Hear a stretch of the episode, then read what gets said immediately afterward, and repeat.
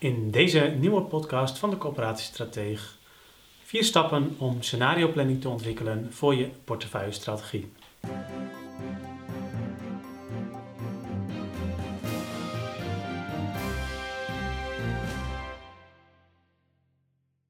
Een groot voordeel van scenario planning is dat je op het moment dat je dat op een goede manier doet, dat je uh, eigenlijk alle mogelijkheden die er in de toekomst zich zouden kunnen gaan voordoen in beeld hebt.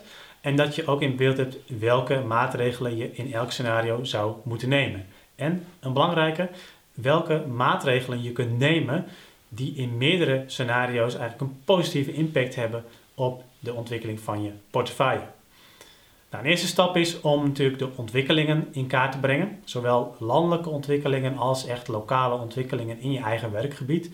En besteed daarbij ook aandacht aan potentiële ontwikkelingen die misschien minder reëel lijken te zijn of die überhaupt uh, ja, nog nooit zijn voorgekomen of, uh, of echt heel onrealistisch lijken.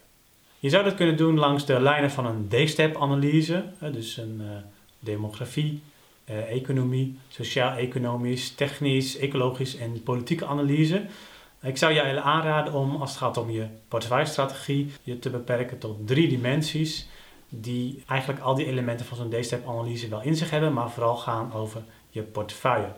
Dus namelijk de demografie, de economische ontwikkeling en daarnaast de ontwikkeling van het werkveld waarop je als corporatie actief kunt zijn in potentieel. Wordt dat smaller, wordt dat breder? Nou, daar zitten eigenlijk alle andere factoren van zo'n D-step-analyse ook wel in. Want hoe smal of breed je werkveld als corporatie is, wordt ook voor een groot deel bepaald door politieke factoren. Ook door in hoeverre je ook wordt geacht een bijdrage te leveren aan de ecologische doelstellingen van een, uh, van een kabinet.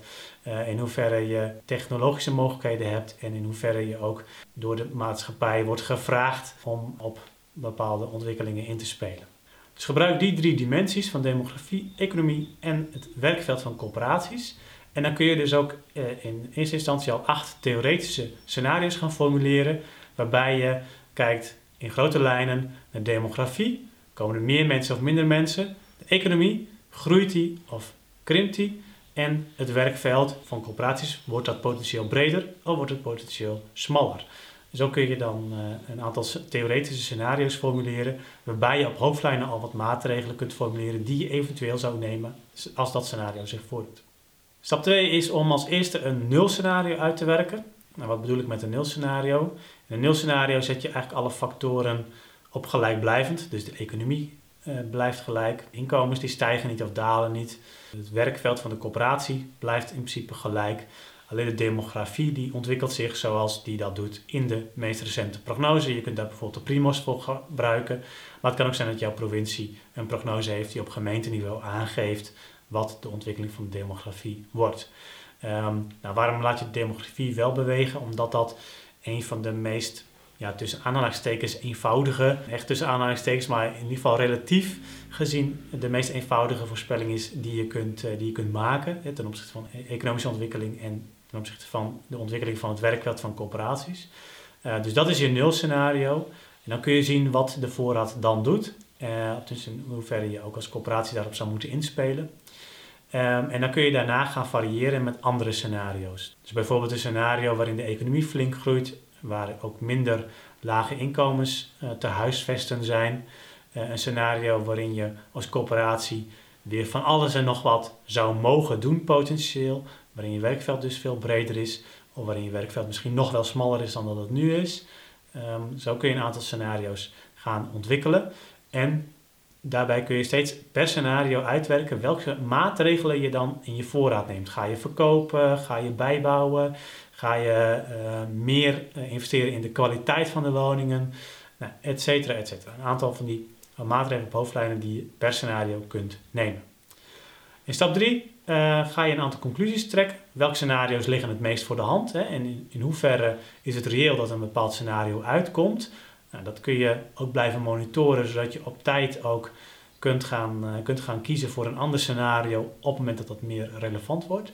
En een tweede analyse die je kunt doen is om te kijken welke maatregelen je nu eigenlijk in alle of in veel scenario's neemt. En die je ook vooral neemt in de scenario's die het meest voor de hand liggen. Want dat zijn natuurlijk de maatregelen die je eigenlijk altijd kunt gaan, uh, kunt gaan uitvoeren.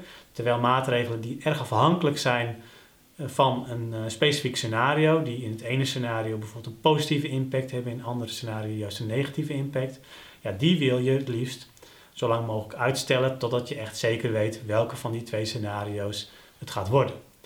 Dus op die manier kun je die analyse doen. En op, die manier heb je dus ook een, uh, ja, een prioritering eigenlijk van maatregelen die je binnen je portefeuille-strategie kunt nemen. Een vierde stap is om ook het werken met scenario's vervolgens ook echt te integreren in je jaarcyclus. Op het moment dat je je portefeuille en asset management al goed in je jaarcyclus van je corporatie hebt, uh, hebt verankerd, dan is het een kleine stap om daar ook het werken met scenario's aan toe te voegen. dat betekent dus dat je jaarlijks ook kijkt welke scenario's uh, nog steeds reëel zijn. In hoeverre er een grotere kans is dat een bepaald scenario gaat uitkomen of een kleinere kans. Uh, of er wellicht nieuwe scenario's ontstaan, nieuwe ontwikkelingen die je nog niet eerder had gezien. Uh, en ook dus kun je elk jaar weer gaan kijken of de maatregelen die je neemt, of die nog steeds passen bij, een meerdere, bij meerdere relevante scenario's. Nou, op die manier kun je met scenario planning een veel robuustere koers varen, omdat je in je portefeuillestrategie dus maatregelen neemt die niet afhankelijk zijn van de laatste prognose, maar die echt uh, in meerdere scenario's een toegevoegde waarde hebben voor je vastgoedsturing. Bedankt voor het luisteren naar deze podcast. Wil je nieuwe afleveringen ontvangen? Abonneer je dan op deze podcast. En kijk ook eens op onze website corporatiestratege.nl voor meer praktische tips en downloads die jouw werk als coöperatiestratege makkelijker maken.